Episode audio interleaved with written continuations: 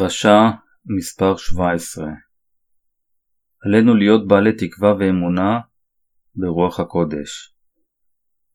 אל הרומים, פרק 8, פסוקים 16-25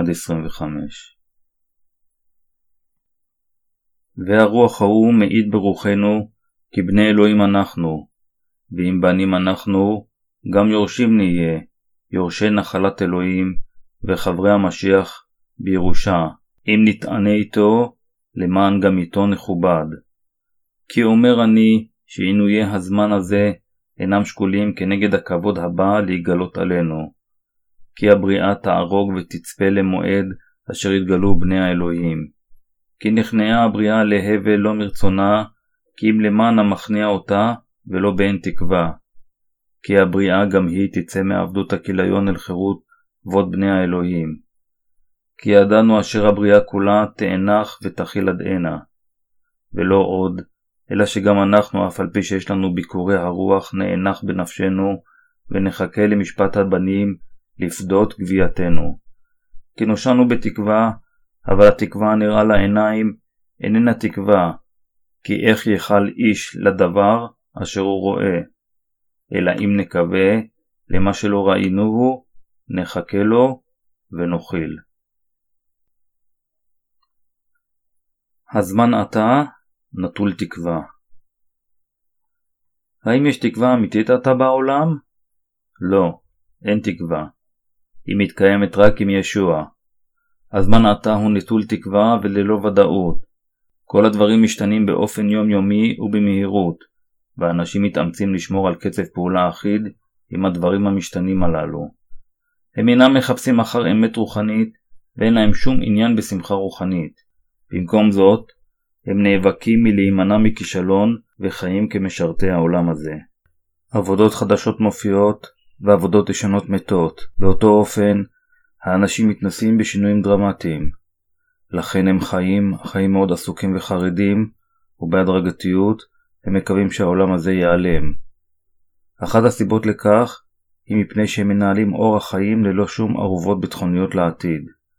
אנו חיים בעולם כזה לא יציב. עלינו לקוות לחיי נצח ברוח הקודש.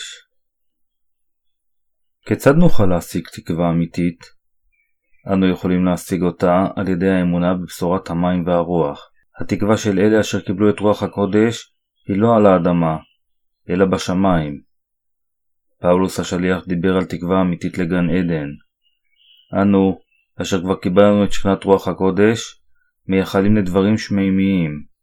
אנו עושים כך כיוון שאנו מאמינים שישוע המשיח בא כדי לקחת את כל חטאינו והציל אותנו החוטאים באמצעות הטבלתו בידי יוחנן המטביל ודמו שעל הצלב.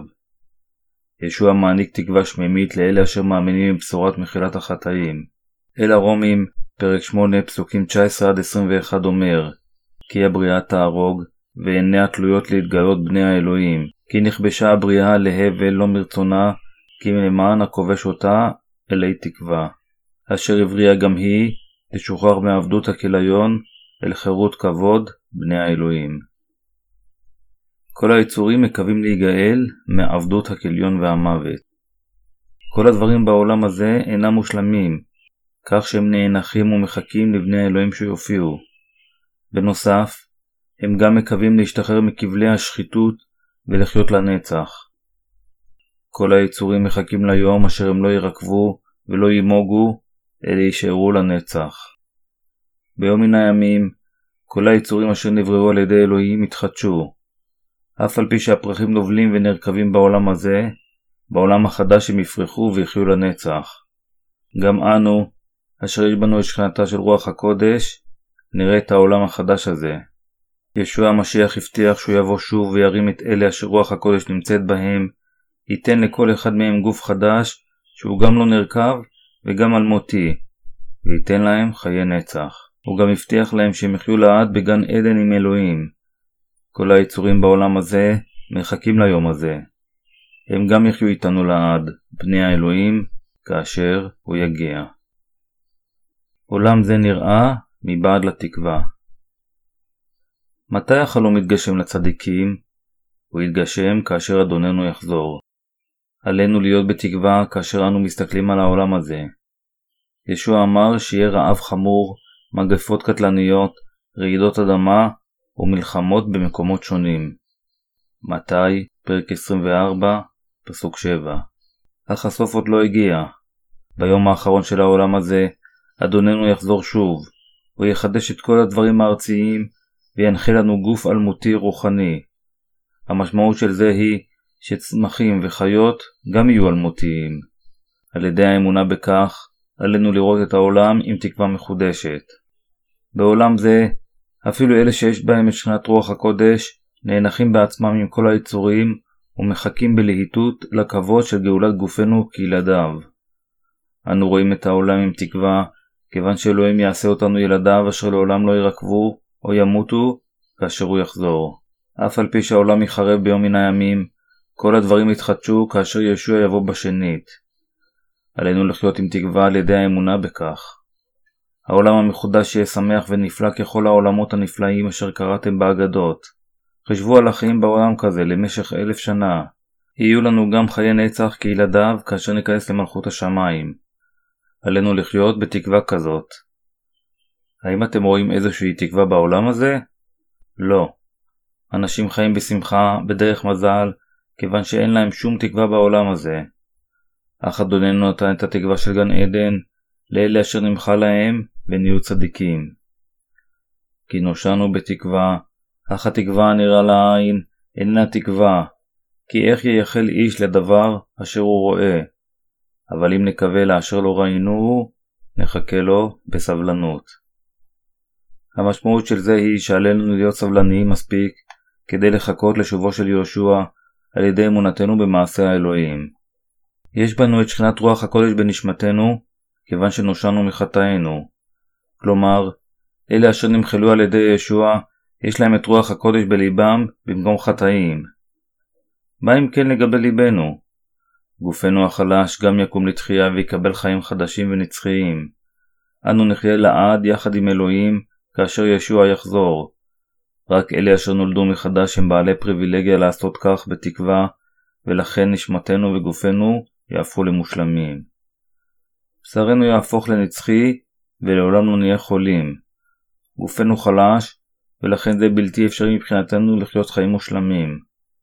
הבה נצפה לביאתו השנייה של יהושע. רק לאלה אשר יש בהם את שכנתה של רוח הקודש, יכולה להיות להם תקווה וחיים כאלה. תקוותם של הצדיקים היא לא רק בגן עדן, אלא היא מתגשמת גם בעולם הזה. התנ"ך אומר שאדוננו יבוא שוב כאשר העולם הזה ייפול לצרה גדולה. הוא ללא ספק יבוא. כאשר הוא בא בפעם הראשונה, הוא הוטבע למען החוטאים, מת על הצלב כדי להפכם לצדיקים, ולבסוף עלה לגן עדן. עתה הוא הזמן אשר ישוע אמור לבוא בשנית. בזמן ההוא, הוא יאיר את כל הקדושים הנמים אשר האמינו ביהושע ואשר קיבלו את שכנתה של רוח הקודש, וישחרר אותם מעבדות הכיליון. הוא ייתן להם גוף חדש שמימי, שלעולם לא נרכב או נהיה חולה. בנוסף, הם ייתפסו בעננים כדי לפגוש אותו באוויר, והוא יהפוך את כל הדברים לחדשים. לאחר מכן, אנו יחד עם יהושע אדוננו, נחיה ונשלוט עמו בעולם החדש למשך אלף שנים, כפיצוי על ששירתנו את הבשורה. זוהי החזרה לאלה אשר הולכים לגן עדן. זוהי המציאות והתקווה לגן עדן. בזמן ההוא, כל הדברים הלא מושלמים יהפכו למושלמים, והדברים הנרקבים לעולם לא ירקבו. המילים הגוף יזרע בכיליון ויקום בלא כיליון, הראשונה לקורניתיים, פרק 15 פסוק 42, התקיים בזמן באמצעות ישוע המשיח. הווה אנו, אשר יש בנו את שכינת רוח הקודש, נהיה בעלי תקווה. עליכם לזכור שאף על פי שכל הדברים הם חלשים ומתים, זהו לא הסוף. חייבת להיות לנו אמונה בתקווה שאדוננו יחדש את כל העולם שוב. עלינו לחיות בתקווה של שמיים וארץ חדשים. כאשר יש בנו אמונה כזאת, אנו מסוגלים ללמד את הבשורה. יש בנו את שכינת רוח הקודש, כיוון שנגאלנו מחטאי העולם. באותו אופן, רוח הקודש שבתוכנו מצפה לשיבתו של יהושע. היא משתדלת למעננו אצל אלוהים אהב, שנחיה עם תקווה ואמונה וללא ייאוש בלבנו. עלינו לחיות בתקווה ברוח הקודש. היכן הוא המקום של הצדיקים? זה יהיה באלף השנים, כשיהושע יבנה ויחדש את האדמה הזו וגם את מלכות השמיים כאשר הוא יבוא שוב. לכן, עלינו להיות סבלניים מספיק כדי לחכות ליום הזה שיבוא. עלינו להאמין שאדוננו יעשה את גופנו למושלם כאשר עולם זה ייפול. עלינו להיות בעלי תקווה למחר הנפלא. לפאולוס, שהיה בעל רוח הקודש, הייתה אותה תקווה כמו שיש לנו. אנו חיים עם אותה תקווה בקרבנו, כשאנו מחכים לאלף השנה ולמלכות השמיים. אלה אשר לא נולדו מחדש, ישמדו עם נפילת עולם זה, אך אנו הנוצרים הנולדים מחדש, נחזיק בארץ ובשמיים החדשים. תקווה זו באמת תתגשם. גופנו יהפוך למושלם, ואנו נחיה ונשלוט עם יהושע במשך אלף שנה בעולם החדש. כשאנו מייחלים ליום הזה, אנו יכולים להיות בעלי תקווה ולחיות ללא פחד בעולם. הבה נהיה סבלנים ונחכה. למרות שחיינו מתישים, תקוותנו תתגשם בגלל שאנו מאמינים באלוהים. אלה הנטולי תקווה הם כבר לא יותר מאנשים מתים. בבקשה, היו בעלי תקווה והתמידו בחלומותיכם על ידי האמונה בדבר האל. בדיוק כפי שמחילתנו היא אמיתית, השינוי בגופנו יהיה אמיתי, וזה מציאותי בשביל כל היצורים לזכות בחיי נצח. גם תקוותנו היא ממשית. היו בעלי אמונה במה שאתם מאמינים. אלה אשר יש להם תקווה יכולים להיות יפים ושמחים. האנשים אינם שמחים אם אין להם תקווה. אלה שאין להם שום חלומות, אין להם שמחה. אנו יכולים לנהל חיים שמחים כיוון שיש לנו תקווה לאלף השנים ולמלכות השמיים, השמיים והארץ החדשים. על הצדיקים להיות בעלי תקווה וללמד את התקווה הזו ברוח הקודש. עלינו לקוות שהבשורה שלנו תופץ ברחבי כל העולם. אם יש לכם אמונה איתנה, אתם תבינו שהעולם הזה אינו גדול כל כך. למרות שהתחלתנו הייתה זעומה, אם יש בנו תקווה ותפילה, אנו מסוגלים להפיץ את הבשורה ברחבי העולם. בדיוק כפי שפאולוס נהג, עלינו להאמין. אלה אשר עם תקווה, הינם נאמנים לעבודה זו של הטפת הבשורה היפה. עלינו לקוות שהבשורה תתפשט בתקופה זו של חוסר תקווה. עלינו ללמד את הבשורה למותשים, לנטולי התקווה, לעניים ולנתקעים.